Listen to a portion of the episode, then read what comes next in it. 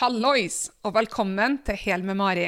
En podkast der vi snakker om alt som har med helhetlig helse, psykologi og sjølutvikling å gjøre.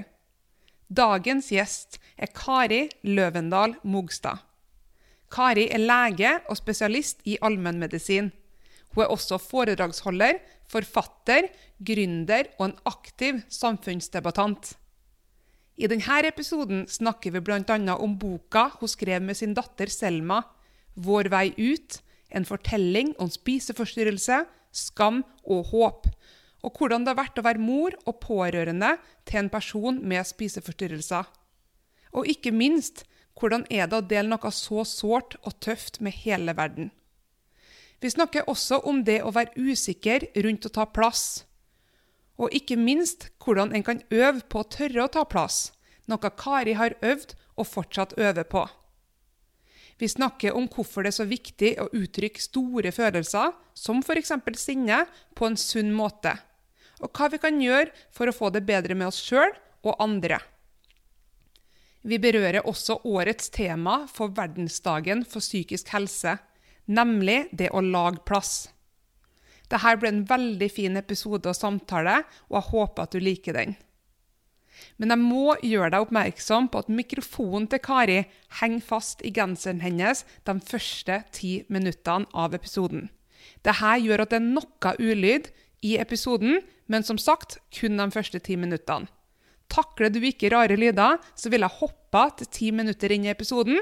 Hvis ikke, så er du mer enn velkommen til å nyte hele episoden. Og som sagt, lyden er kun rar i ti minutter. Kos deg med episoden.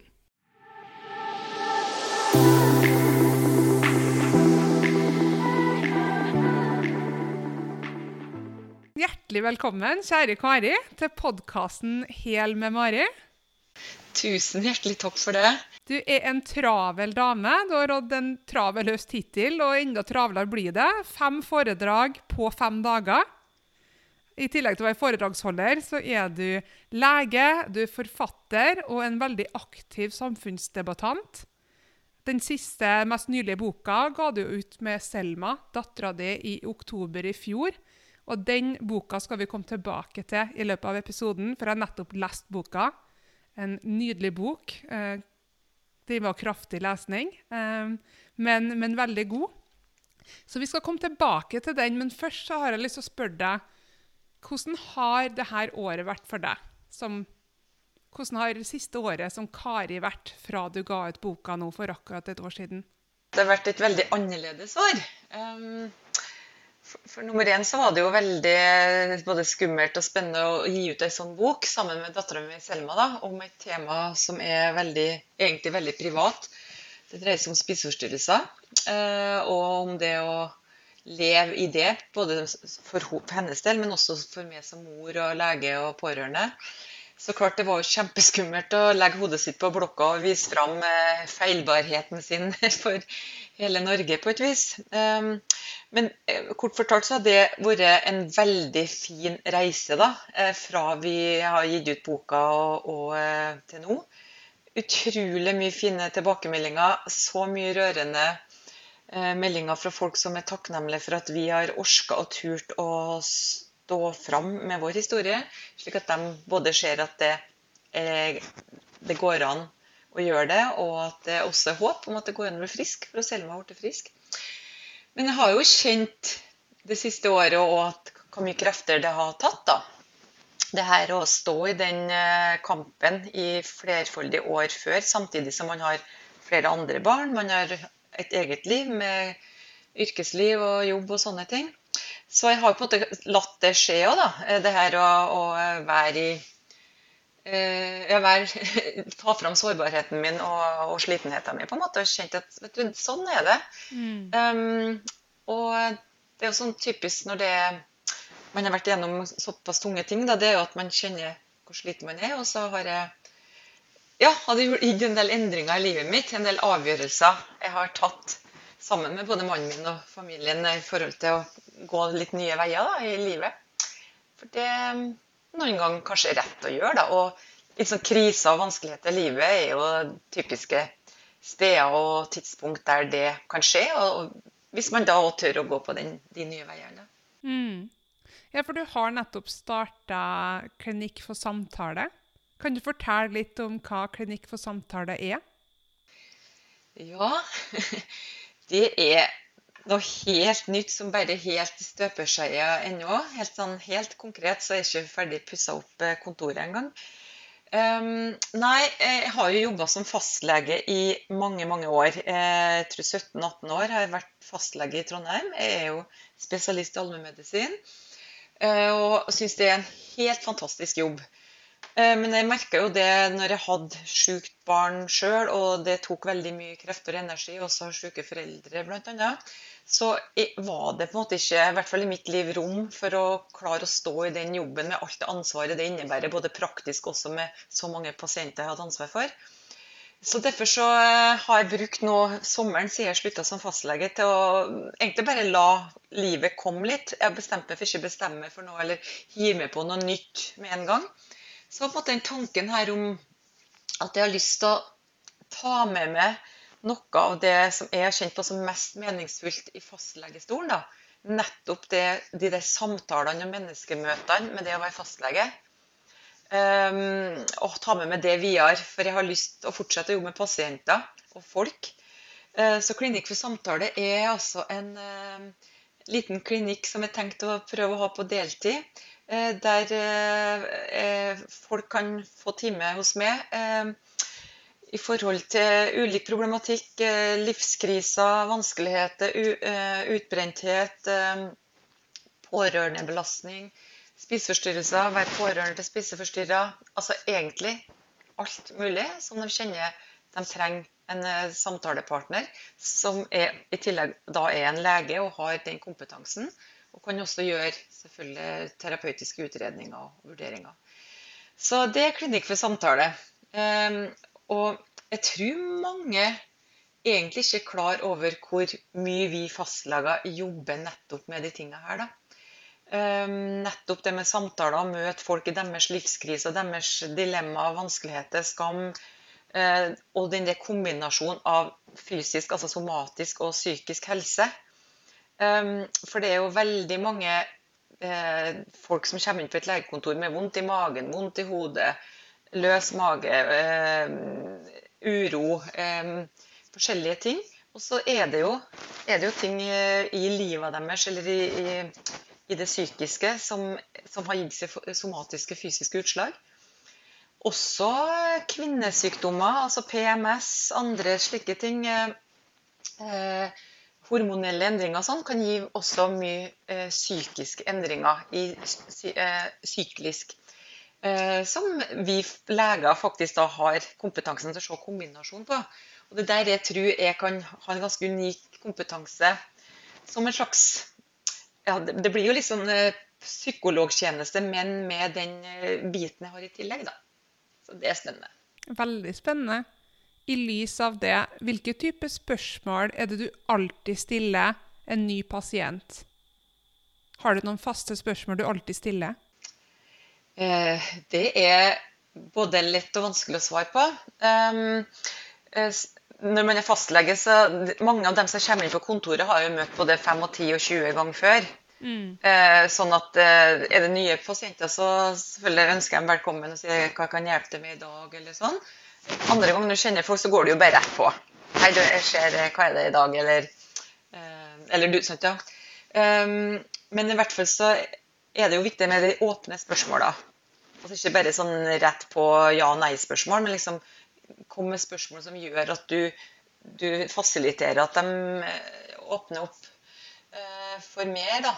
Um, hva, hva, hva, spørsmål er det jeg alltid stiller? Um, jeg sier det ikke akkurat så bokstavelig som det her, da, men eh, eh, tanken er det samme, eller ideen er det samme. Det er altså, hvordan har du det ellers? Er det noe annet du lurer på i dag? For det er jo den der dørstokk- eh, eller håndklinkespørsmålet. Det er mange som sitter i kvarter eller 20 minutter og prater om magen sin eller eh, gikta si, sånn, og så idet de er på vei ut fra kontoret, så sier de Du, forresten, doktor, jeg lurer på det. Mm. Og da er det de her Da er det. Da skal du være obs. Og det er ofte da en fastlege ikke har tid, for da sitter jo noen andre og venter. Det er jo ikke at vi ikke vil ha tid, men det er jo, det er jo så hektisk. Men det er jo nettopp der. Hva er det de da har gått sittet og grudd seg på?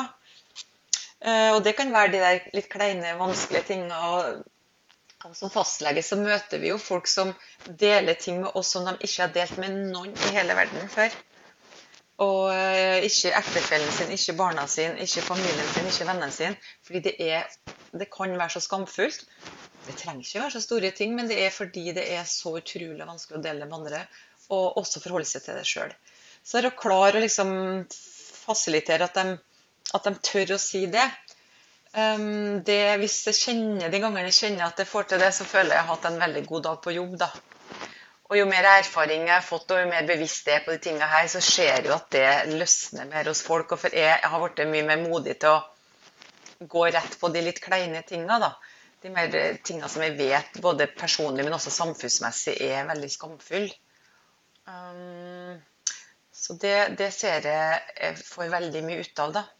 Og jeg har også vært universitetslektor i mange år til legestudenter på NTNU. Eh, på første og andre året. og Da er det noe som heter lege-pasient-kurset. og Da kommer de til oss på vårt kontor. Og rett og slett nesten fra første dag på legestudiet så blir de satt i stolen min, der jeg sitter i bakgrunnen, og så skal de snakke med pasientene. Ja. Og da jobber vi akkurat med det med åpne spørsmål da, i stedet for de lukka spørsmålene. Altså hvordan Fortell. Fortell. Altså, og tål den kleine stillheten òg, da. Der du gir rom for så det, det har vært utrolig også lærerikt for meg som lege. da, og måtte lære bort til andre og, og bevisstgjøre meg hva som er fine måter å, å få folk til å åpne seg, og, og selvfølgelig òg konkret kunne hjelpe folk. da. Mm. Hvis vi beveger oss tilbake til boka som du og datter Selma skrev sammen og ga ut i fjor. Um, boka heter 'Vår vei ut', en fortelling om spiseforstyrrelse, skam og håp. Jeg sa jo innledningsvis at jeg nettopp har lest boka, og det var veldig sterk kost, men også veldig rørende, fordi jeg syns dere begge var så modig, sårbar og ærlig. Kan du fortelle litt om boka, en sånn liten, liten intro til boka for dem som ikke har lest den ennå? Mm. Det kan jeg gjøre. Jeg må nesten starte fra starten. Eh, jeg skal prøve å gi en kortversjon på det. Eh, jeg har fem barn. Selma er nummer fire. Og når hun var 15 år, 15 eh, 15,5 år, så, eh, så, begynte hun å tulle med, med mat og eh, trening og, og fikser veldig mye på de tinga der, fra å være helt frisk og fin jente. Um, Selma ble sjukere og sykere. Vi ble mer og mer hjelpeløse. Vi foreldre, vi begge to leger. Og, men likevel så satt vi og så på at dattera vår ble sykere og sykere av en anoreksi. Um, og midt oppi det her, så hjelpeløsheten, så kom òg den der skammen og den der eh, totale følelsen av mislykkethet. Jeg har skrevet en bok før som heter 'Kroppsklemmer', som handler om kropp og ungdom og hva vi skal gjøre for å unngå at de får det vanskelig. Og så bare slår lynet ned i mitt eget hus og min egen datter. Um, så det var liksom når jeg satt der og er gjorde akkurat som jeg har sagt med mine pasienter som føler skam. Jeg snakka ikke med noen, jeg turte ikke å si det, for jeg skjemtes sånn og følte meg så mislykka. Så begynte jeg å skrive litt ned mine egne tanker for å overleve, rett og slett. Eh, for å sorte litt i hodet mitt. Um, og liksom så fikk jeg på en måte da sett søren hvordan helvete er det å være pårørende så, og mor. Eh, foreldre i en situasjon der ungen din rett og slett eh, blir sykere og sykere og ikke vil spise. Um, så det var en slags overlevelsesmodus det kom i, men en slags eh, måte å takle det på. Og så etter hvert som Selma heldigvis ble friskere, og vi fikk utrolig god hjelp, så, eh, så systematiserte jeg litt denne eh, skrivinga mi og tenkte at det her tror jeg kan bli ei bok som er, kan være viktig og bra for andre enn meg som pårørende, men også for andre som jeg vet sitter rundt i landet og har det akkurat samme som jeg har, med denne eh, frykten og følelsen av eh, ja, alt er bare så vanskelig. Så, så det eh, det er liksom historien min. At oss, og forlaget var jo superivrig på det. Men så var jo Selma som var hovedperson her, hun var tenåring og veldig sårbar. Og jeg var veldig usikker på om det her noen gang skulle bli noen bok. Fordi det er så privat, og du har tross alt med en tenåring å gjøre. Selma er 20 år nå, da. Um, men, men etter, jeg brukte masse terapeutene til å diskutere den saken, om hvor klokt det var å eventuelt gi ut en bok. Og det skulle aldri bli gitt ut en bok før Selma var frisk.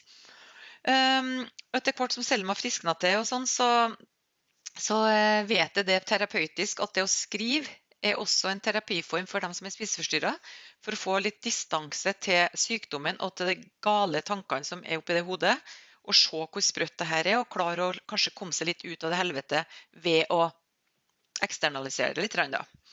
Så Selma begynte å skrive om de tinga her. Hun, som ungdommer gjør, så brukte hun jo mobilen sin og laga videoer, snakka med seg sjøl. Hun skrev ned ting, tok masse bilder tok bilder og tok videoer til at jeg skrek og hyla i bakgrunnen. og mange, mange sånne ting òg. Men i hvert fall så begynte hun å skrive ned, og så sa hun at Selma, skriv, skriv, skriv ned, så se hvordan det her er for det. Og etter hvert som hun begynte å tilfriskne ordentlig, da, så presenterte for Selma denne muligheten at når du, når du blir frisk, Selma, kanskje vi skal gi ut ei bok sammen. Eh, og få begge stemmene inn, eh, det tror jeg det er ikke gjort før, og det tror jeg kan være veldig nyttig for alle som leser det. Så sånn ble boka. Og så har jeg tredje delen av boka er på en måte en sånn kunnskapsdel da, jeg, som er på en måte rippa ned til mer folkelig språk. Der jeg håper og tror at det kan være nyttig for alle som leser det. Alt fra foreldre til lærere til trenere jeg vet også fagfolk bruker boka eh, i stort monn, og det er utrolig rørende. Så, så det ble bok. Eh, og eh, for å si det sånn, det er, vi er veldig glad for at vi har gjort det. Og vi har ikke opplevd nesten noe som helst negativt. For jeg var jo redd for at det kom masse kommentarer etter hvert, eh, etter hvert etterpå at hen å dra med dattera si på noe sånt. Og jeg har så mye sånne destruktive tanker. Men alle dem er gjort til skamme. Og det, er helt utrolig, utrolig fint og føles veldig meningsfullt å ha at boka ble til. da.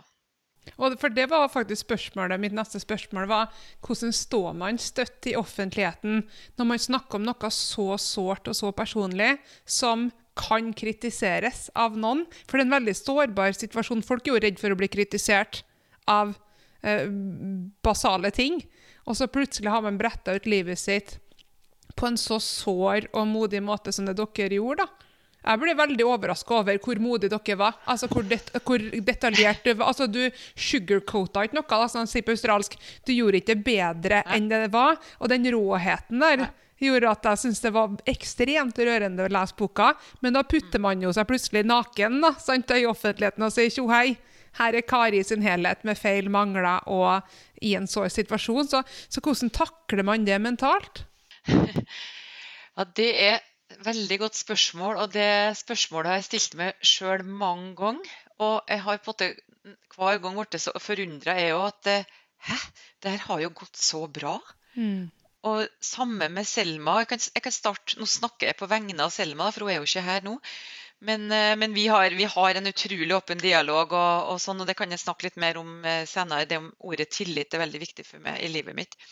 Um, men i hvert fall uh, i hvert fall så Selma det hun jeg tenkt på først. Jeg skal alltids klare meg. sant ja? Eh, på en måte Selv om jeg er en veldig dobbel person, jeg virker veldig eller, eh, trygg på meg sjøl, og det er jeg veldig mye, men jeg er forferdelig utrygg på meg sjøl òg. Så det er den blandinga liksom Å, hjelp, herregud. Men, men, jeg har liksom stått veldig stødig i det her. og Selma har også stått utrolig stødig i det her, og jeg er, er så imponert over henne. Eh, og poenget mitt er at hun, har knapt nok møtt én kritisk røst.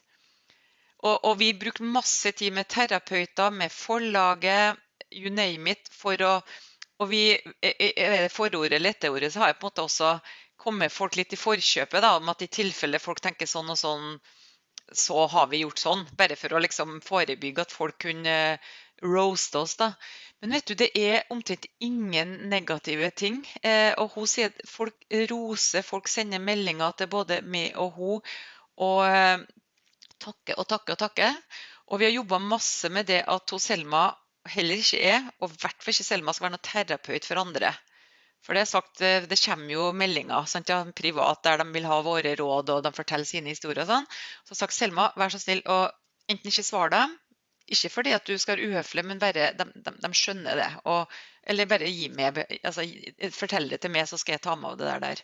Og det har gått uh, utrolig bra, altså. Så, um, så, det å stå i det, ja, spørsmålet ditt um, Nei, jeg tror bare liksom jeg, jeg tok valget om å gønne på. For det, det kan liksom bare ikke bli verre enn det her å, havne i denne suppa her, liksom. Som så erfaren lege og har skrevet bok og vært landet rundt med den boka. og og liksom eh, Ja, ja, her kommer jeg, og så bang, så skjer det med, liksom. Det kan skammen bli større, liksom. Og så tenkte jeg nei. Og vi har, har liksom ikke noe tap. Og jeg bare Det å, å være ekte og være seg sjøl, som regel så er holder det lenge, lenge. Og det er Så jeg er nok ganske robust, egentlig. Um, men det er klart jeg var jo livredd for at spesielt der at folk skal kritisere meg for hva jeg drasser med jenta mi på. Mm. Det å bli kritisert som mor, ikke sant. Eh, det å Men, men det har vært fint lite av det òg. Eh, og det er klart sånn nordmenn og nordmøringer og vi som bor langt oppe i nord, vi, vi, kan jo være kanskje litt sånn at vi snakker mer om det når ikke den det gjelder, hører, hører det. Men, men sånn, følelsen min er veldig god, da. Um, og så har jeg på en måte bestemt meg at nei, nå gønner jeg bare på, og så får folk mene det de vil og si det de vil bak ryggen min. Jeg tror ikke det er så mange som gjør det. Men, men uh, for jeg vet at det jeg står i, har, vi jobba så mye, vi har forberedt så mye, og det er så gjennomtenkt. Og så vet jeg at det vil hjelpe mange med å gjøre det her. Og da er det Og jeg ser det går så bra med Selma. Det har vært så fint for henne, det her. Så mm, så det har gått bra å stå i det, altså. Eh, ja. Det har det. eller om når jeg tenker på det nå, så er det sånn Uff, det er skummelt, da. Nesten føles skumlere ut å se tilbake enn å være midt i det. fordi man får på en måte Jeg tror i det lange løp så er det mer frigjørende å tørre å være radikalt seg sjøl enn å jobbe med alle de maskene. Fordi at det å være ærlig med at shit, sånn her var det hjemme til oss, det her var det vi sto i, det er noe med den børen da, som lettes hvis man har det motet, da, som det du og Selma og familien deres har hatt, til å åpne dørene, so, so, to speak, med å fortelle sånn her, det her er det vi har stått i. For da trenger ikke man å kanskje feike på den måten. da. Og ikke minst det du sier, Kari, at ved at dere deler deres historie, så baner dere vei for andre. Trenger dere hvor mange både pårørende, mødre, fedre og ikke minst dem som er syke, hvor mindre alene de føler seg ved at dere har vært så modige og delt eh, det dere har stått i? Helt, helt klart. Eh, det er mulig det her eh, vet her, Jeg tror ikke vi har snakka om før, men jeg tror en av grunnene til at det er, er tør å være såpass modig, da, det er at jeg har mista et barn på termindato som døde helt ut av det blå, skal jeg si. Så liksom når man opplever noe sånn i livet sitt, så tenker jeg da kan det i hvert fall ikke bli noe mer.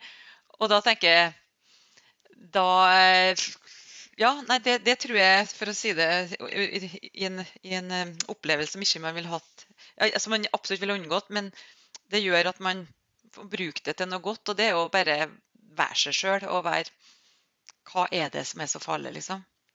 Da var vi òg åpne den gangen eh, om det. Og det jo var litt samme reaksjoner. Det kom folk og takka for at vi gjorde det.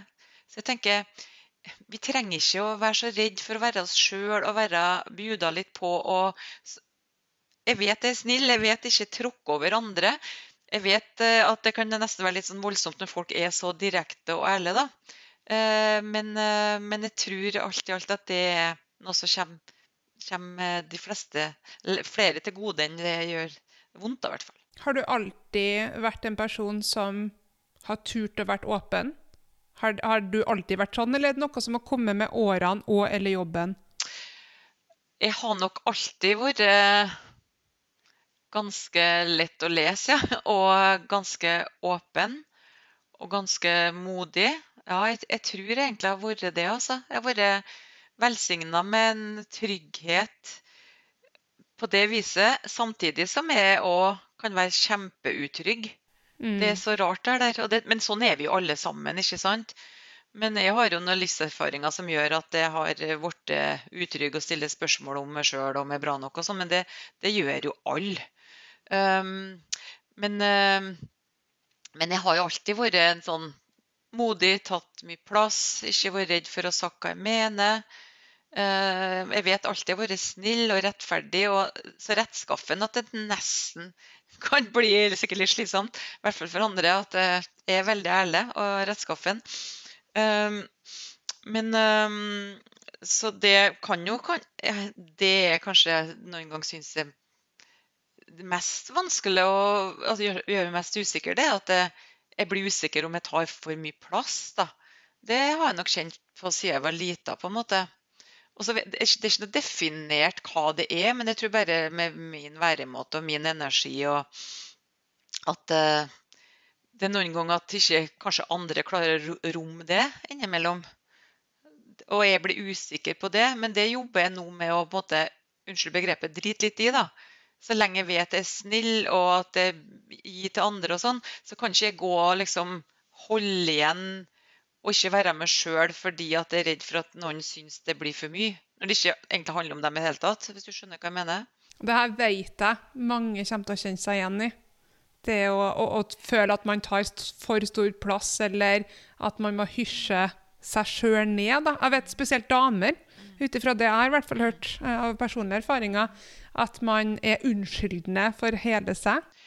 Ja, vet du, vi er det. Det er mange som er det. Og uh, jeg er absolutt for at man skal snakke om dem som ikke tar plass, og at vi skal løfte dem og sånn, men jeg er litt opptatt av å kanskje gi litt mer rom og samtale rundt det akkurat vi snakker om nå. Jeg tror mange går og begrenser seg sjøl, som du sier, spesielt damer kanskje.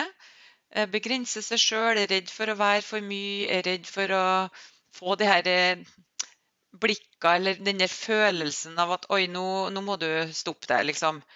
Men hva, hva, er det der der? Det er jo For det trenger ikke handle om den som da tar den plassen. For det er jo ikke det at den tar noe plass fra andre, egentlig. Men det er vel det at noen blir litt påminnet sin egen eh, et eller annet som ikke har noe med den personen å gjøre, egentlig.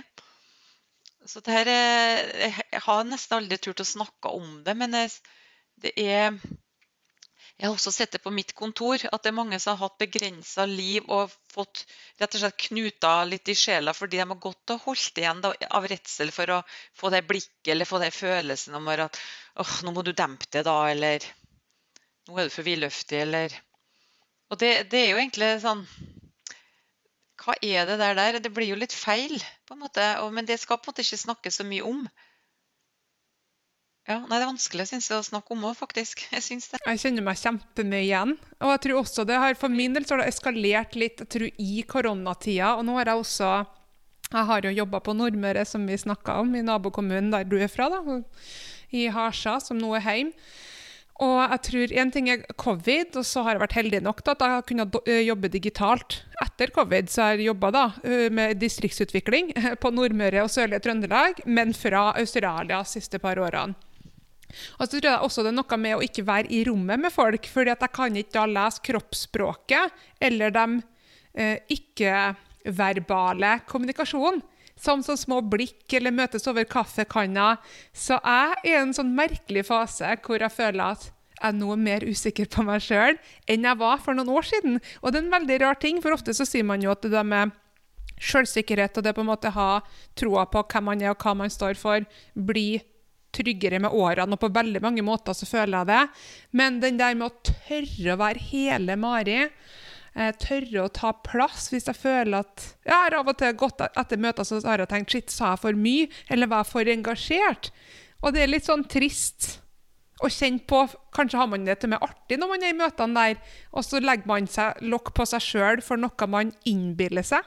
Så jeg, jeg, skjønner veldig godt hva du sier, og den er ubehagelig. Og du har litt sånn, vi flirer jo, vi som da er i Midt-Norge, og vi snakker om det ytre Nordmøre kontra indre. Det er jo en litt sånn kultur, sant. Ja, det, ja, det var ikke så best. Da er det knallbra, liksom. Det er det beste. Det var ikke så best, av det her. så det er noe med den der nøkterne væremåten òg, da. Og så har vi kanskje sånne som meg og deg som blir entusiastisk og ja. Det, så det var en av mine spørsmål som jeg skrev til deg, for jeg gjorde jo research. eh, Ikke bare at jeg gjorde research, men jeg visste jo også av deg fordi du er prominent i, eh, i, i media. Altså For dem som ikke vet det, så skriver du kronikker, og da mener jeg bare i Tidens Krav. liksom. Altså Du er i VG, du er i de store nasjonale avisene våre. Du har vært på Debatten på NRK, du har vært på Lindmo. Så det var en av tingene som jeg lurte på. Hvordan, hvordan har du øvd på å torde å tatt plass? Og hvordan har du øvd på å kjenne etter at du tør å stå i det du står for? Her vet jeg at jeg står for, jeg tør å si det høyt. Oi, ja, det, det, der, eh, det der går jeg og lurer på hver dag sjøl, og jeg går og eh, øver. Ja. I dag òg, altså i morgen òg. Jeg kjenner på den usikkerheten fortsatt. Altså, det er bare en uke siden jeg var på NRK eh, Dagsnytt 18. Oi, For jeg skrev et innlegg, eh, jeg skrev et innlegg der jeg kommenterte Mats Hansen og Forræder. og ja, det en, Jeg skal prøve å gi kortversjon der òg. Ja, og det er ikke noen sånn aktiv kirkegjenger, men eh, jeg, jeg stussa litt på måten de bruker kirka på i en Forræder-episode. Og så skrev jeg et Facebook-innlegg, og så ble det innlegg i Vårt Land. da. Og så ringer Dagsnytt 18 og vil ha meg med på det og diskutere, for de syntes det var kjempeinteressant. Eh, kortversjonen var at eh, vi satt hjemme egentlig og stussa litt over hvordan Mats Hansen eh, gikk fra å være Jesus til Mats Hansen, og sto inni alterringen og for og sprang rundt omkring, og så var det drone over gravstøttene. sånn, så jeg, satt og tenkte, hva er det å være dem som har akkurat hatt begravelse der uka før? og så Tankene der gjorde meg, og det var tydeligvis flere enn meg som har gjort seg de tankene. Em, og, da, og, og, å sitte i det studioet nei, gjorde, gjorde meg knapt nok noen ting.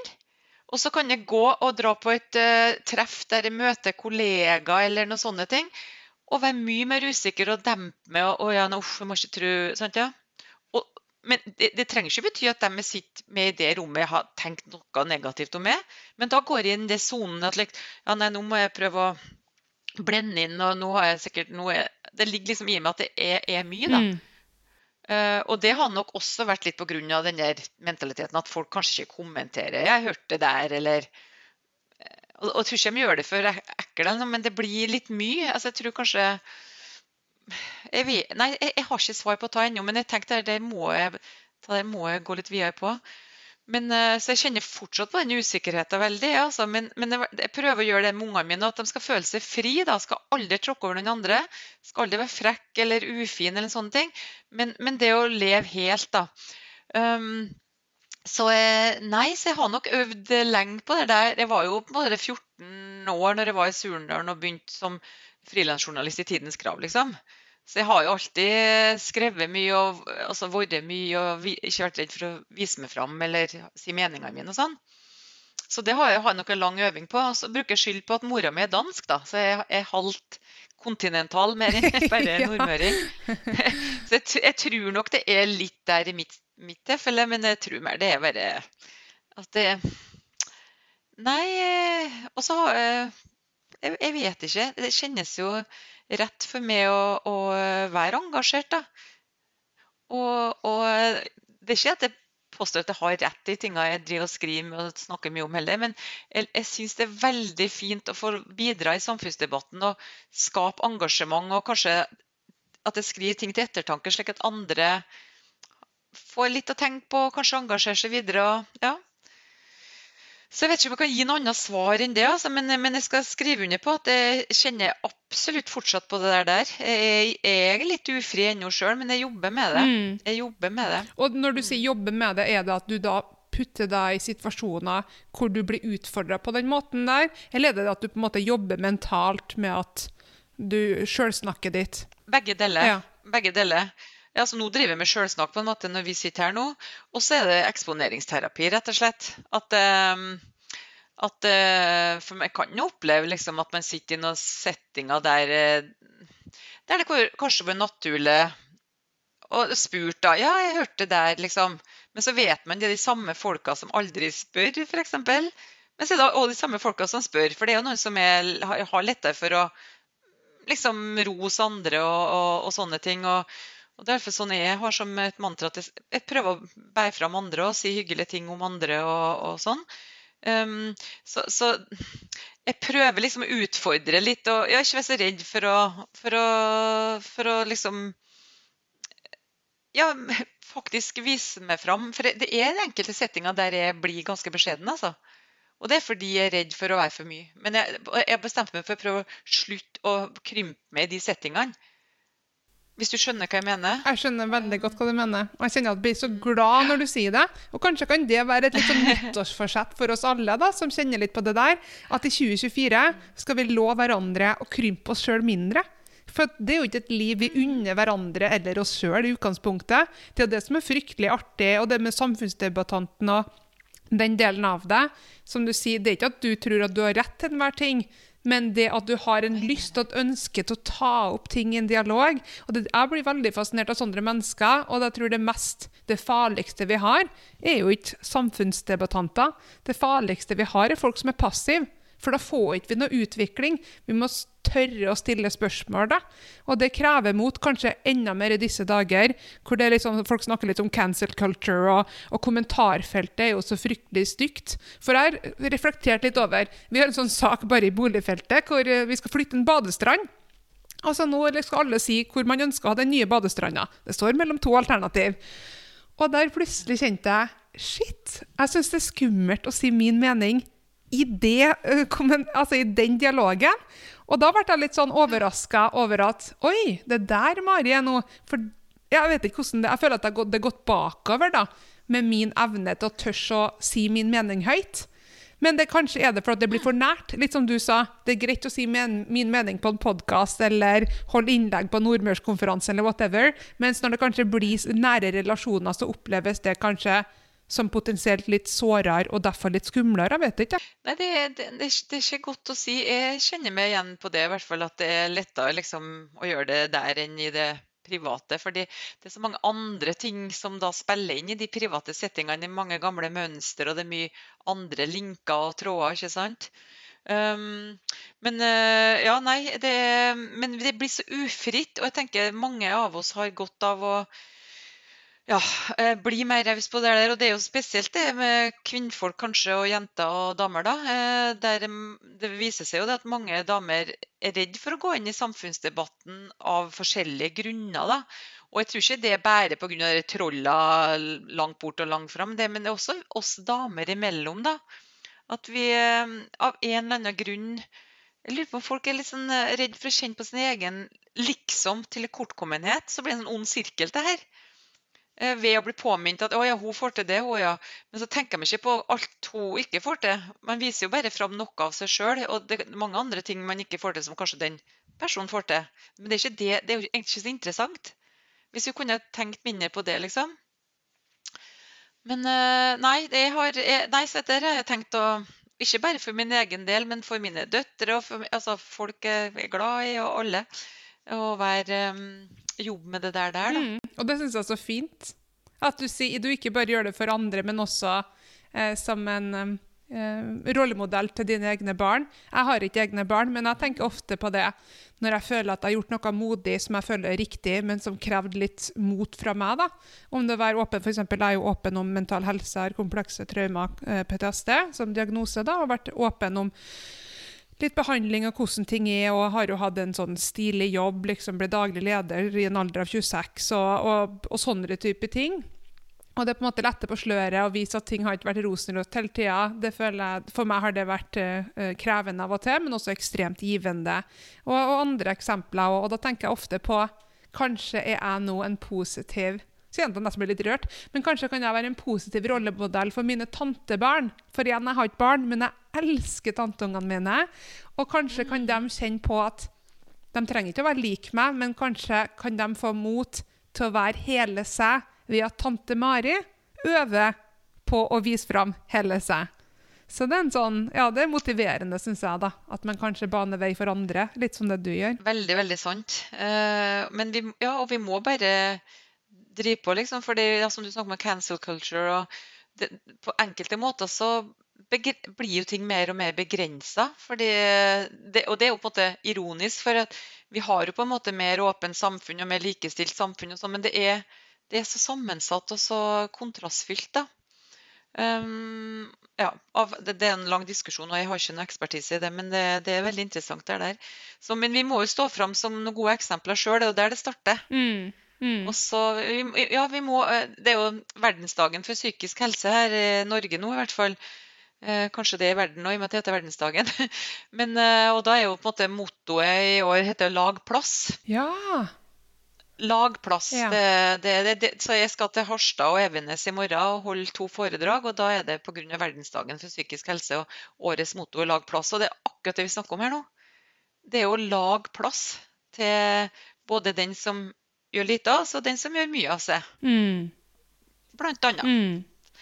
Men lag plass eh, generelt, da. Å være litt raus, mer raus. Vi er Ja, nei, vi er, vi er Det er mange plasser der vi ikke er rause nok, tenker jeg, både i forhold til oss sjøl og, og forhold til hverandre, da. Jeg bet meg merke i et fint uttrykk som du hadde tidligere. Du sa 'knuta på sjelen'.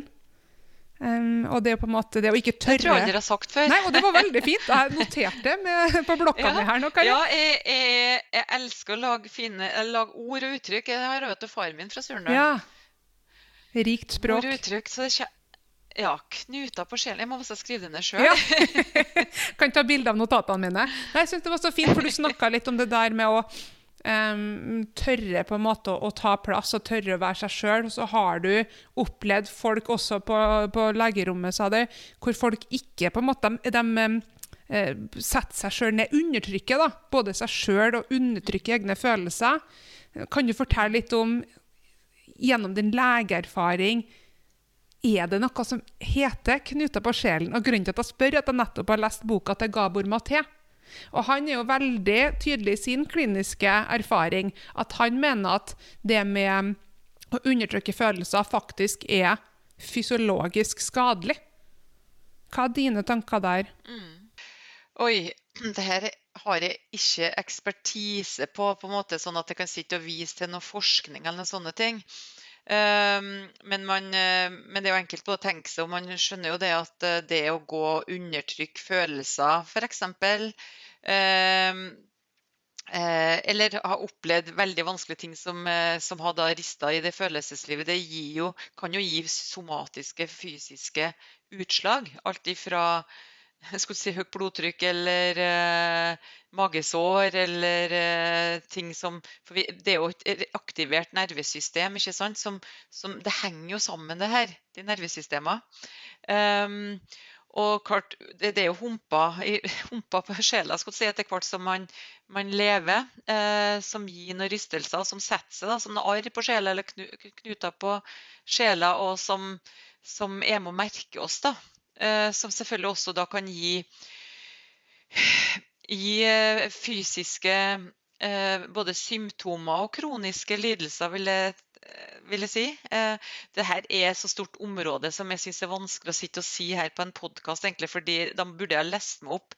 Um, for det, er jo bl.a. eh, Maria Louise Kirkengen, det heter? jeg tror hun er professor her på NTNU. Hun har jo laga ei bok som heter eh, ikke traumatiserte barn blir syke voksne, eller noe sånt. Okay, ja. Og ikke bare, syk, ja, ikke bare syk psykisk, men også for fysiske symptomer. Da. Veldig, veldig interessant, altså. Eh, så det er klart det henger sammen. Eh, de erfaringene man har gjort seg gjennom livet, og også barndom og oppvekst, det, gjør, eh, det preger hvordan man blir som voksen, også med helsa si. Også med den fysiske helsa. Absolutt. Men så er det noen som går gjennom livet og har ja, de her løvetannbarna og de her som du hører alt fra Auschwitz til ja, dessverre det vi ser nede i Midtøsten nå. Som da, Noen blir jo traumatisert og ødelagt både fysisk og fysisk, psykisk og fysisk, men noen klarer seg. Så, men hva som gjør at den og den får det sånn og sånn, det kan jeg for lite om. Men, eh, men, men jeg, jeg, jeg, jeg skjønner jo ikke dem som skiller mellom psykisk og fysisk omtrent lenger.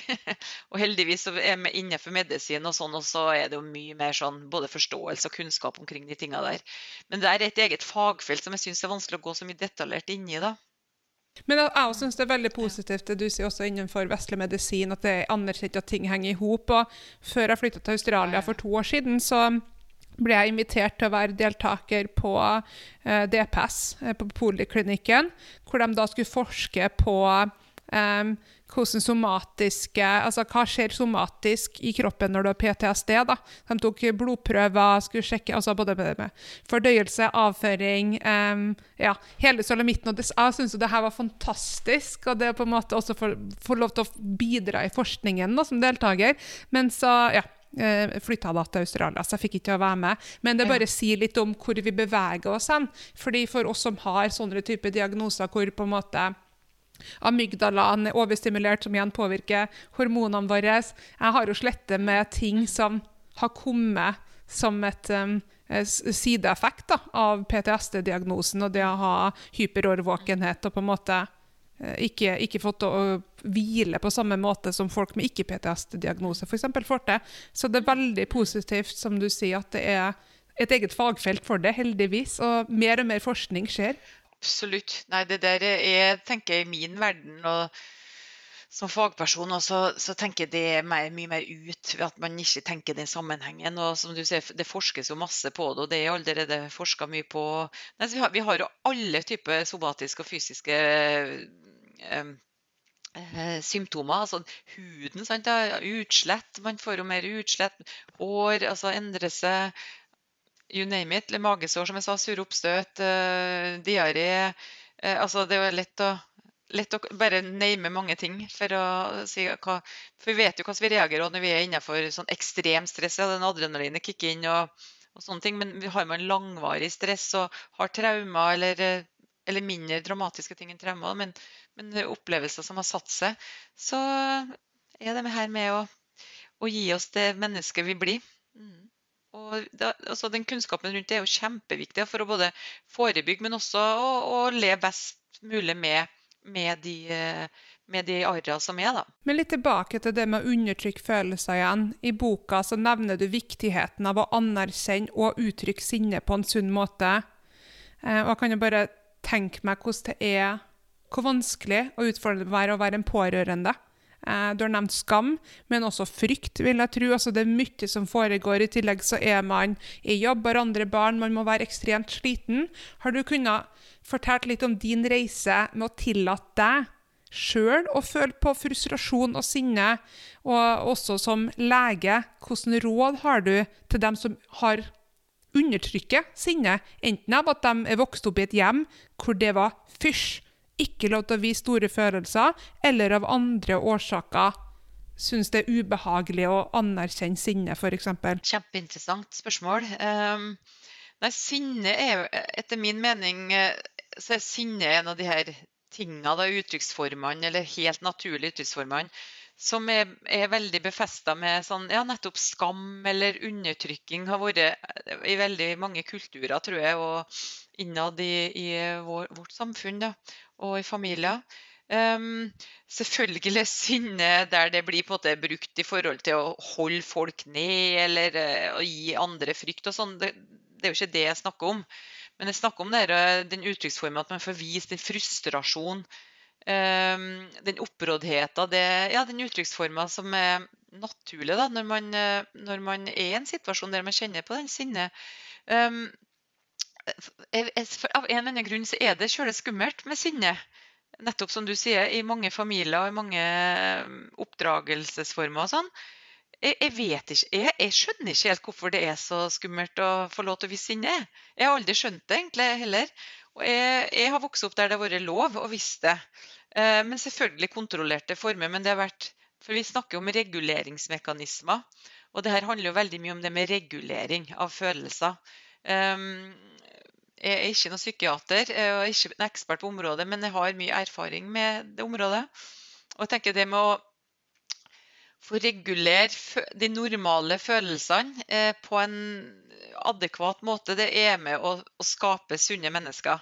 Altså både fysisk og psykisk. Nå, nå sier jeg det enkelt. Det er En slags eh, tankegang jeg har. da.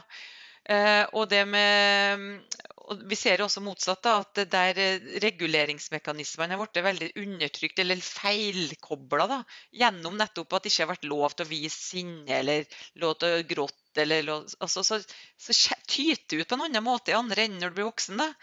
For da, når du da kanskje skal inn i en eh, et forhold, eller du skal forholde deg til kollegaer eller eh, studiekompiser, og så har du aldri øvd på å regulere f.eks. sinne, så hva skal du da få det til da?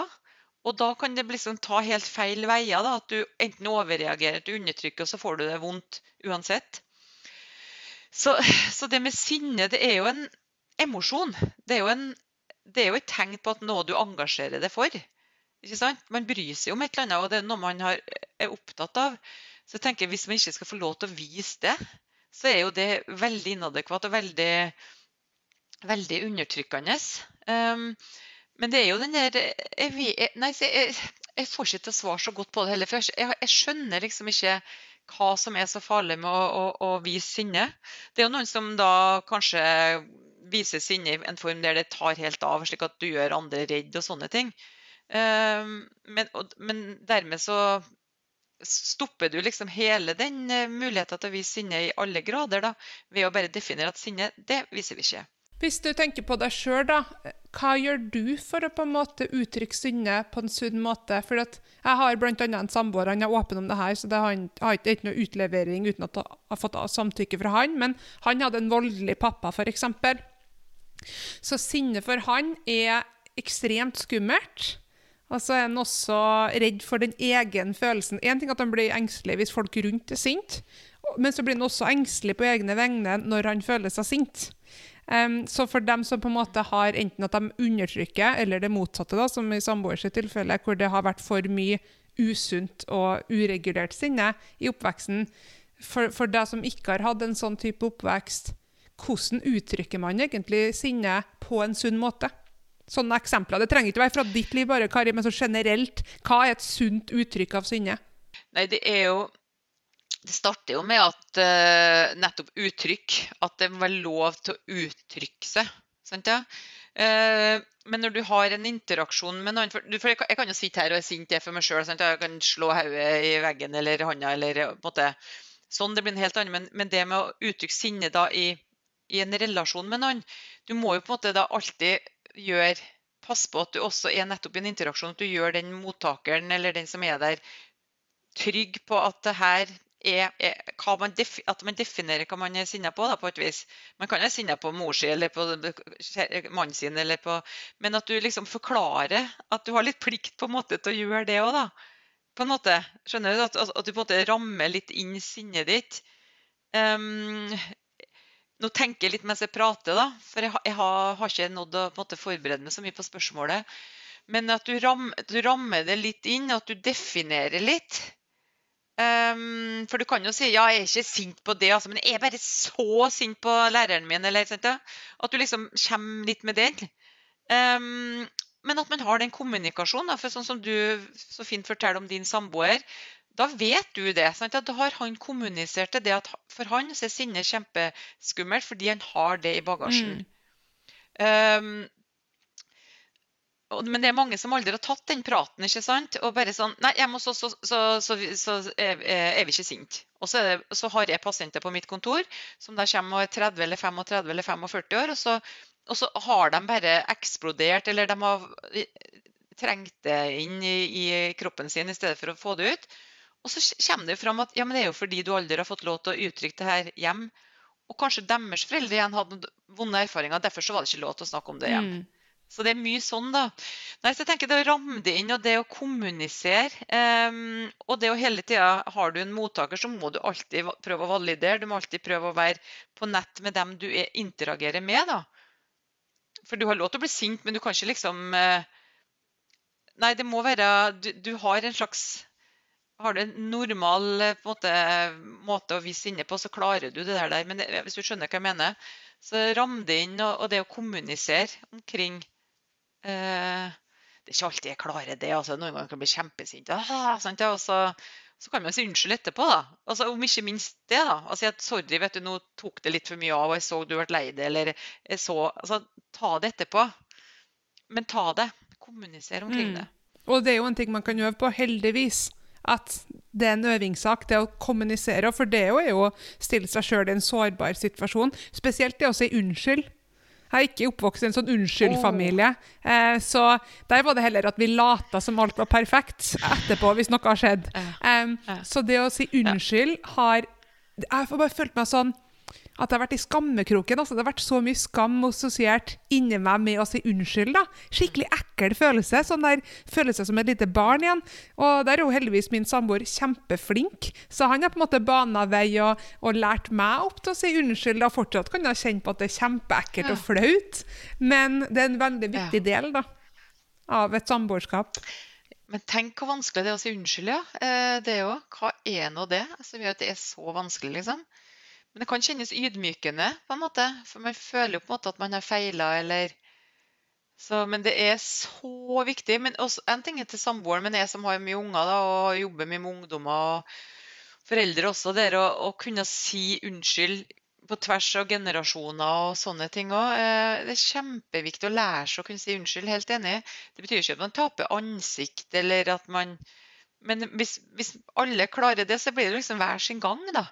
Og det igjen gir en, grobunn for trygghet og tillit til hverandre. Som gjør at man da kan være mer hel og være mer Også få uttrykt de følelsene da i trygge rammer. Så det her, alt dette henger jo sammen.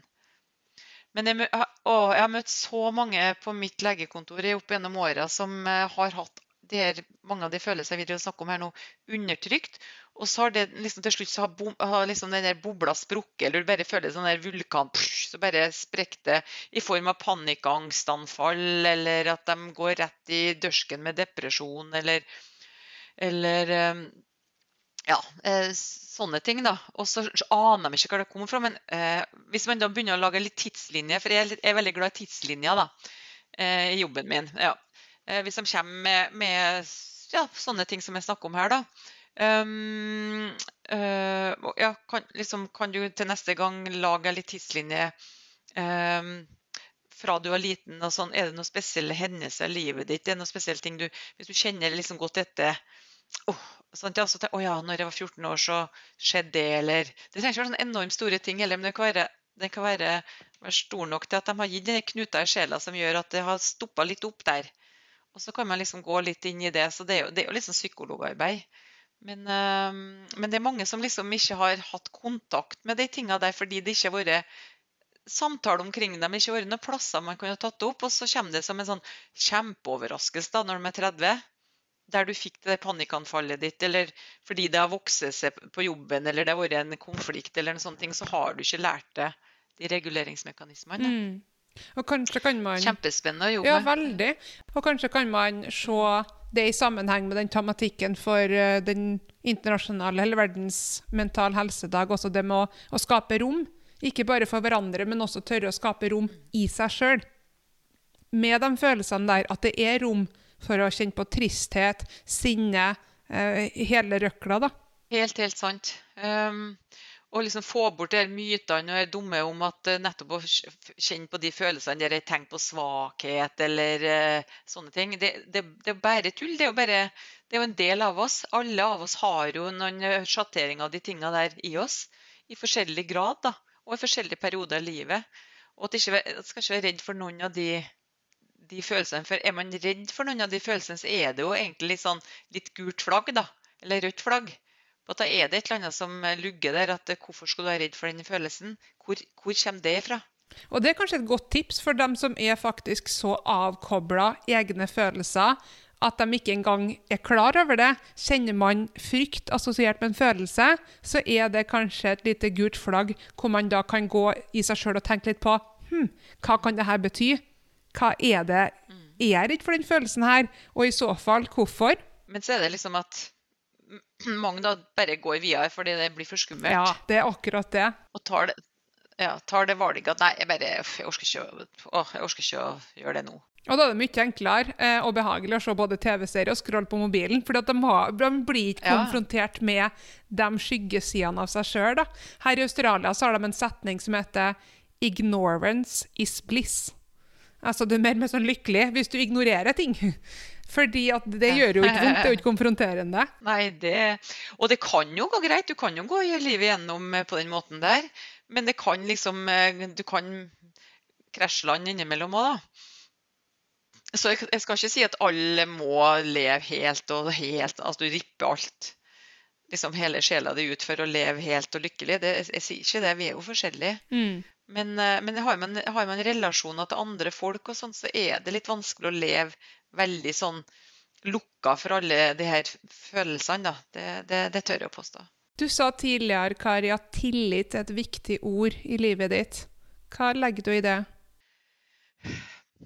Jeg tror tillit eh, Jeg tror altså Mer og mer tenker på ordet tillit, så tror jeg det, det er liksom basisen for omtrent alt. Det, altså på en måte um, For uten en sånn tillit um, så, så, så, skjønner jeg liksom ikke hvordan vi kommer oss videre, på en måte. Um, nå tenker jeg mest i forhold til, til andre folk. Da. Um, enten det er i familie, eller det er på en arbeidsplass, eller det er ja, med venner.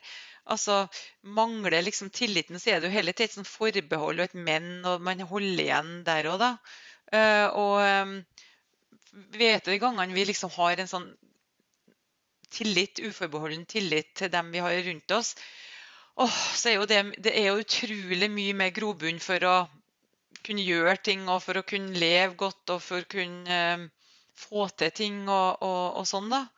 Um, skal vi gå rundt Ja, vi, det der det er jo tillit det er jo et ord du kan bruke alt ifra at du Altså til storpolitikken til familielivet, ikke sant.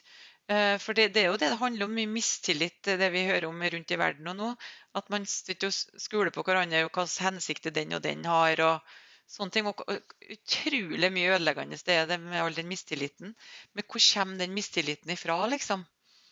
Um, man skulle jo tro med den verden vi har nå, med mer og mer eller så, liten verden har blitt, at vi burde ha fått mer tillit til hverandre. For vi har lært mer og mer av hverandre å kjenne. Men, uh, men så har vi ikke det likevel, da. Uh, og det går jo selvfølgelig på makt og sånne ting. Nå kommer jeg litt langt ut, utom det her, men uh, Nei, nei det, men det å kjenne, kjenne, at du har tillit, og kjenne at folk har tillit til det, det gir en sånn, et utgangspunkt som er helt annerledes enn hvis du starter dagen med å liksom lure på om, om, om den tilliten ligger der. da. Og det har sikkert vært viktig i forholdet til deg og Selma og i den prosessen og det dere har stått i, med tanke på både eh, før og etter boka? Ja, nettopp. Så det, det var der, der jeg skikkelig begynte å tenke på det her tillitsbegrepet. da. Um, for jeg tenkte liksom det at Selma i dag er frisk, og at uh, vi klarte å komme oss gjennom det helvete som var med med, med, hennes sykdom og all den kranglinga og slåssinga og um, oppgittheten og sånne ting. Og distansen som vi også fikk i perioder. Uh, men så, så, har jeg på en måte tenkt i ettertid at en av grunnene til at vi er der vi er i dag, og vi er så nær, og vi har kommet oss gjennom det her helvetet sammen, og ble frisk, det er jo at det var en grunnleggende tillit der. Det har jeg tenkt. At jeg hadde en nå snakker jeg for meg sjøl, vi hadde en grunnleggende tillit oss imellom, jeg og Selma. Og det har jeg følt meg veldig heldig da, som har hatt med barnet mitt. på en måte, For det, det er ikke alle foreldre som, som har, eller motsatt. da, eh, Absolutt ikke. Så jeg tenker det er en av de tingene vi har vært heldige med. For det kan jo være med spiseforstyrrelser at det er nettopp pga. en mangelfull tillit eller ting som har skjedd med, mellom foreldre og barn, at man utvikler en spiseforstyrrelse. Det her er komplisert. Men, men, den tilliten er vanvittig takknemlig for at vi har oppnådd før ble syk, og at vi har utrolig nok klart å beholde Masimenos nær sagt, underveis, men også nå etterpå.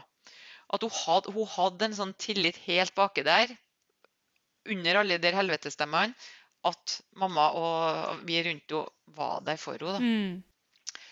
Eh, og at jeg også klarte å opprettholde tilliten til henne, selv om hun løy, hun juksa, hun hiva mat hun, ja, altså Alt det som man er igjennom. Men jeg, jeg, visste jo det innerst inne som fagperson at sånn er det de holder på når man har en spiseforstyrrelse. Man lurer mest seg sjøl, men man lurer jo alle rundt seg òg. Fordi krafta er så Eller den helvetestemmen som jeg sier, er så sterk. da. Men jeg, liksom er klart å holde på det at jeg har tillit til henne Tross alt, selv om hun lyver meg rett i trynet, liksom. Um, mm. Og det er jeg glad for at jeg klarte å, å beholde. Uh, og Ja, så det var, det, det en, det var, For oss var en kjempeforutsetning å klare å holde på den tilliten. Eh, og ikke at den skulle briste for godt liksom, i denne eh, forferdelige prosessen. Da. Og som fastlege, da, som lege, altså tillitsforholdet lege-pasient er jo en helt utrolig viktig forutsetning for at jeg skal klare å gjøre jobben min òg. Mm. Jeg har jo eh, så klart Man opplever jo noen ganger at den, du kjenner at den tilliten ikke er der. Pasienten kommer inn og er, på en måte starter mistenksomt. og Noen ganger så klarer man jo å opprette en tillit, men andre ganger så, så klarer man jo ikke det. For det er kjemi mellom folk, og det er forskjellige livssituasjoner som gjør at man ikke akkurat klaffer der og da i forhold til den relasjonsbygginga. Um, og kanskje man har sagt ting eller gjort ting som gjør at den pasienten mister tilliten. Og det skal jo mye til å gjenopprette en tillit. Men det, de gangene man kjenner at den tilliten er der bare i bunn og grunn, uansett om det også går opp og ned med et pasient-legeforhold, så er det en veldig meningsfull ting å kjenne på, da. Tenker du at tillitsbrudd kan repareres? Ja, det tenker jeg. Jeg tenker, jeg, Og jeg er jo optimist i bunn og grunn, sånn basis som person. Eh, men ja, ja, ja. Nei, det tenker jeg absolutt det kan.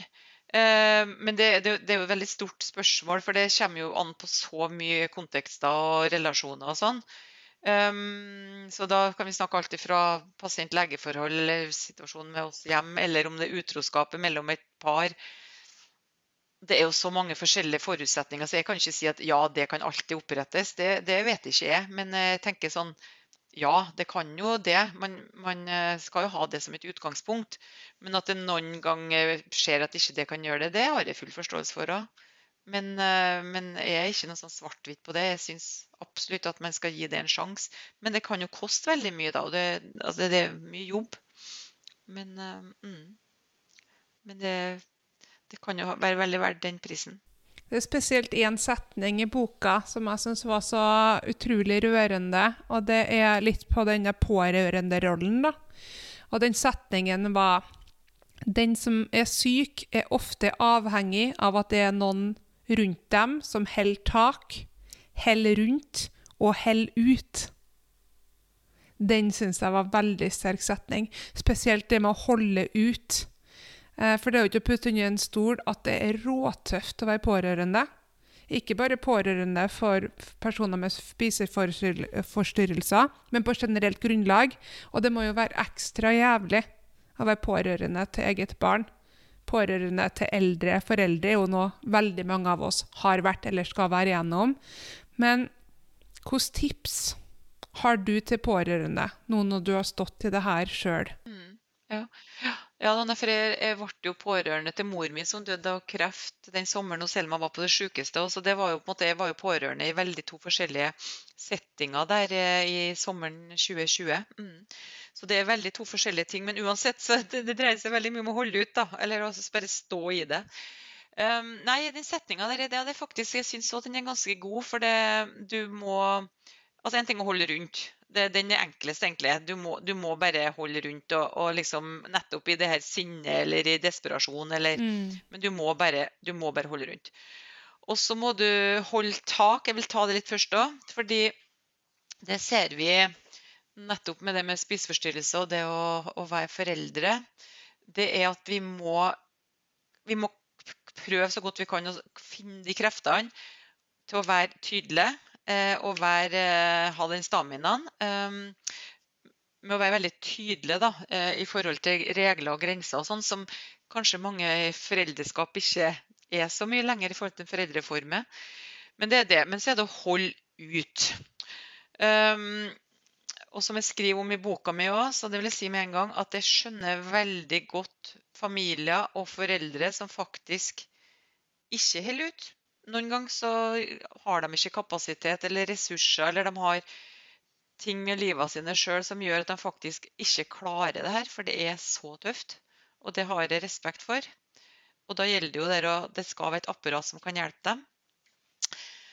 Um, nei, når Selma var så sjuk over flere år og sånn, så var det noen perioder vi òg sa at her orker vi ikke mer. Jeg holder ikke ut. Eh, rett og slett, det må bare for min del så ble det jo mer, bare at jeg gikk med en tur en time eller noe sånt. da. Eller jeg for på hytta en natt og fikk noen andre til å være der. eller noe sånt. Jeg måtte bare bort og ut. Jeg var så klar og lei og unnskyld meg, drittlei og sliten. Um, så jeg kjente på den. Men så hadde jo jeg Jeg var jo i en situasjon der jeg da klarte å dra tilbake. Ofte etter en halvtime eller timen med en gåtur. Um, så, så, for du, det, det, gjelder jo ditt eget barn. altså I mitt tilfelle det, det gjaldt jo mitt eget barn. Det var ikke noe alternativ å ikke holde ut. på en måte. Men du blir jo på en måte sjuk sjøl eh, til slutt, fordi at det, det, tar så mye krefter. For den redselen av, eller blandinga av den vanvittige redselen eh, Den sykdommen Selma hadde, er jo den mest dødelige sykdommen eh, hos unge jenter. Altså psykiatriske sykdommen hos unge jenter. Så man, man, tenker jo alle de tankene der. Um, så, så det, det, det, er på en måte ikke, det er ikke et alternativ å ikke holde ut. på en måte. Uh, men, men, det tærer og det tærer og det tærer. Det er jo ikke tvil om det. Og det som også skriver i boka, at uh, det er jo en hel familie som blir syk. En hel familie blir jo dysfunksjonell når, uh, når du er i en sånn situasjon. Um, så, men det må man få til rydde opp i etterpå, på et vis. fordi at man må bare være der da. ikke sant? Så, men man merker jo etterpå at det har tæra på mye mer enn man egentlig trodde. Uh, men det er da man da må ha mot eller ork til å, å søke hjelp sjøl. Altså psykologhjelp. Jeg har gått til psykolog for å rydde opp og, og, og få hjelp til det. Uh, mannen min det samme. Jeg har fått lov til å sagt det. Um, og sammen. Uh, men også den her, uh, når du er i den familiebaserte terapien som vi var, da, at du har, du kjenner Du blir også holdt rundt som foreldre. var helt avgjørende. Og det vet jeg mange etterlyser, at de får den hjelpa. For det er jo litt sånn kjemibasert, det er litt kapasitetsbasert, hvor mye hjelp man får. Men det må starte med at man tør å be om den hjelpa sjøl. Det må starte med at man tør å si at vet du, jeg er så sliten nå, jeg, jeg, jeg må ha støtte og hjelp til å holde ut. Og da I tillegg er det også det her at man da tør å komme over den skammen det er å fortelle det til vennene sine, til nabolaget sitt, til familien sin. Eh, for det, det tok lang tid før vi også orka og turte å gjøre. Slik at vi, Det var ingen som var i posisjon til å komme og hjelpe oss, for vi turte jo ikke å si sjøl hvor jævlig vi hadde hjemme hos oss.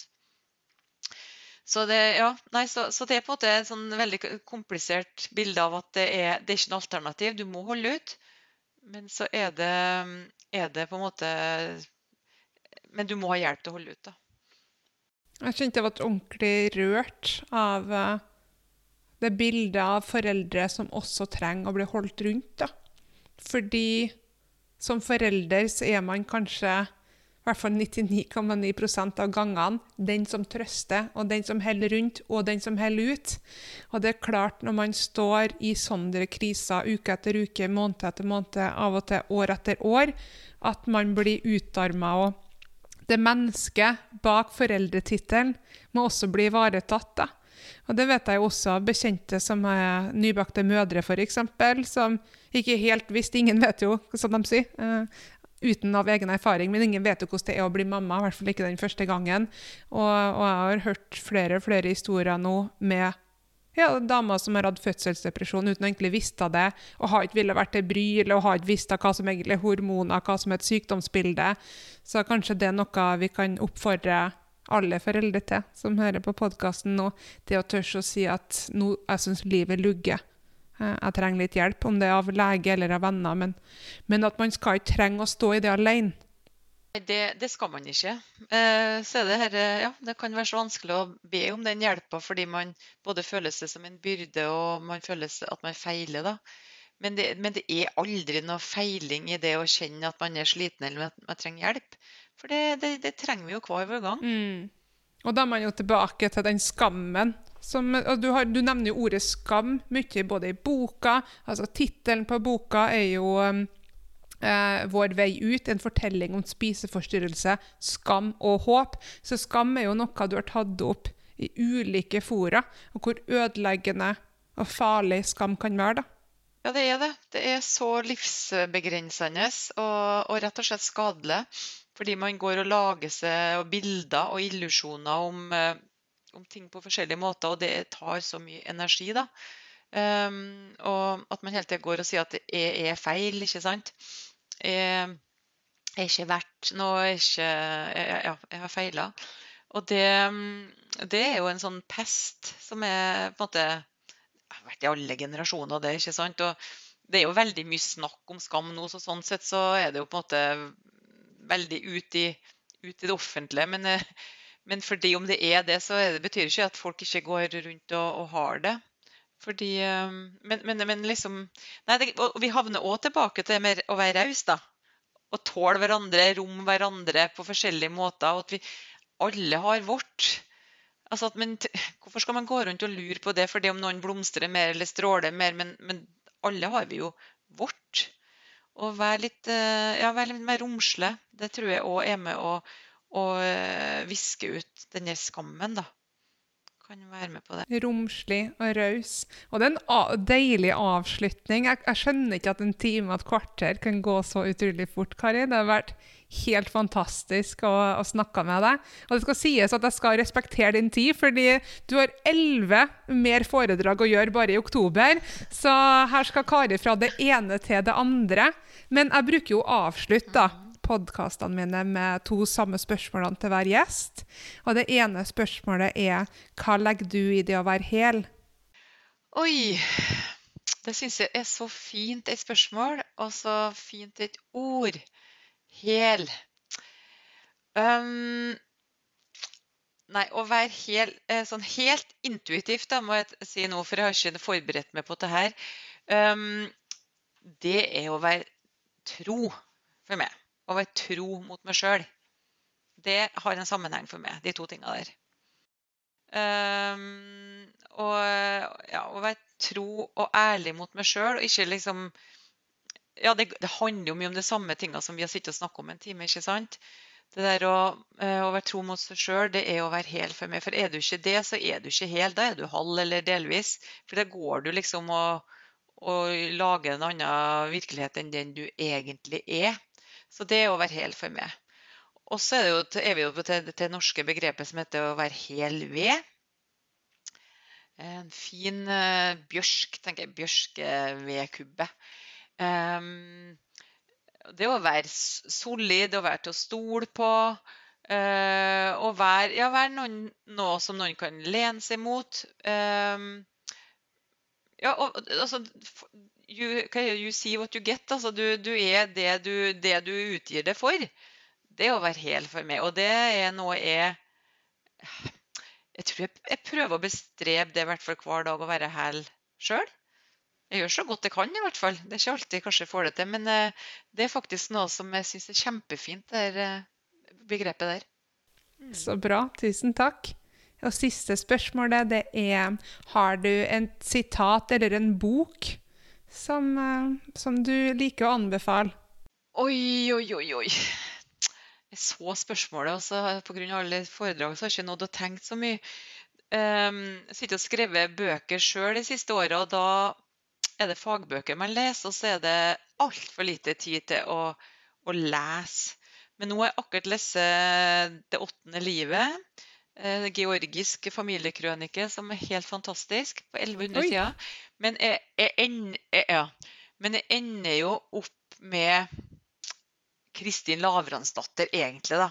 For jeg var ganske ung, og så las den første gangen, skulle du si. Jeg, jeg, jeg tror, Selv om jeg kunne nevnt ti andre bøker, eh, så tror jeg jeg ender opp med Kristin Lavransdatter, som var veldig sånn sjelsettende for meg når jeg var ung. Jeg tror jeg var helt ung mor når jeg student og ungmor når jeg leste den første gangen. Og der kvinnebeskrivelsene der ja, jeg, jeg, tror jeg må si den, selv om jeg kunne sagt mye annet. Men jeg tror jeg må si Kristin Lavransdatter og Sigrid Det er en god klassiker, jeg er helt enig. Hvis noen har lyst til å bli bedre kjent med deg, eller kanskje jobbe med deg, hvor kan de finne mer informasjon om deg? Jeg skulle ikke si Google, men uh, nå er det jo på uh, karilovendalmogstad.no. Så har jeg hjemmeside der uh, både det står om meg, om foredragsvirksomheten min og ikke minst om klinikken min. Um, så jeg tror det går an, det. Og så er det lov til å sende meg en mail på Kari ja, Jeg vet ikke om, det, om du skriver jeg kan, det Jeg kan legge det med i teksten, jeg. E-posten. Ja, ja Mm. det er de velkommen, velkommen til, eller ring meg, eller hva som helst. Det er ganske sånn åpen på sånne ting. Um, ja, så i hvert fall har jeg, har jeg hjemmeside det går an å treffe meg på der Uh, og lese litt mer om meg. Og, og ja, se litt mer om meg. Så det syns jeg bare, bare Og så er det veldig artig å følge deg på Instagram. da. Du har jo fått en ny følger i meg. Jeg syns det er veldig artig å få se litt sånn behind the scenes. Du legger jo ut litt når du har vært og farta, og foredragene du har vært på, og sånne ting. Så det syns i hvert fall jeg har vært veldig artig å følge med Ja, på. ja, det er òg Kari Lovendal med H, da, Mogstad. Så jeg prøver nå, da. Jeg er jo ikke som Selma sånn som er den generasjonen, men jeg syns det er artig. Så det kryper noe sakte, men sikkert oppover. Men, eh, men i min generasjon så kan jeg ikke regne med noe mer enn det. Men, eh, men ut ifra det, eller ut det så, så syns jeg nå jeg får vært med på mye spennende og, og ha en stemme i samfunnsdebatten og sånn som er veldig meningsfylt for meg, da. Vel, jeg håper, Kari, at du fortsetter med å ha engasjement og entusiasme i samfunnsdebatten. Og jeg er så takknemlig for at du tok deg tida til å være med i podkasten min tross en veldig travel høst. Så tusen takk. Tusen takk for at du fikk være med, Mari, og lykke til med din flotte podkast. Og veldig koselig å bli kjent med det òg. Tusen takk for at du hører på podkasten Hel med Mari. Sørg for at du aldri går glipp av en ny episode ved å følge Hel med Mari podkast på YouTube og på Spotify.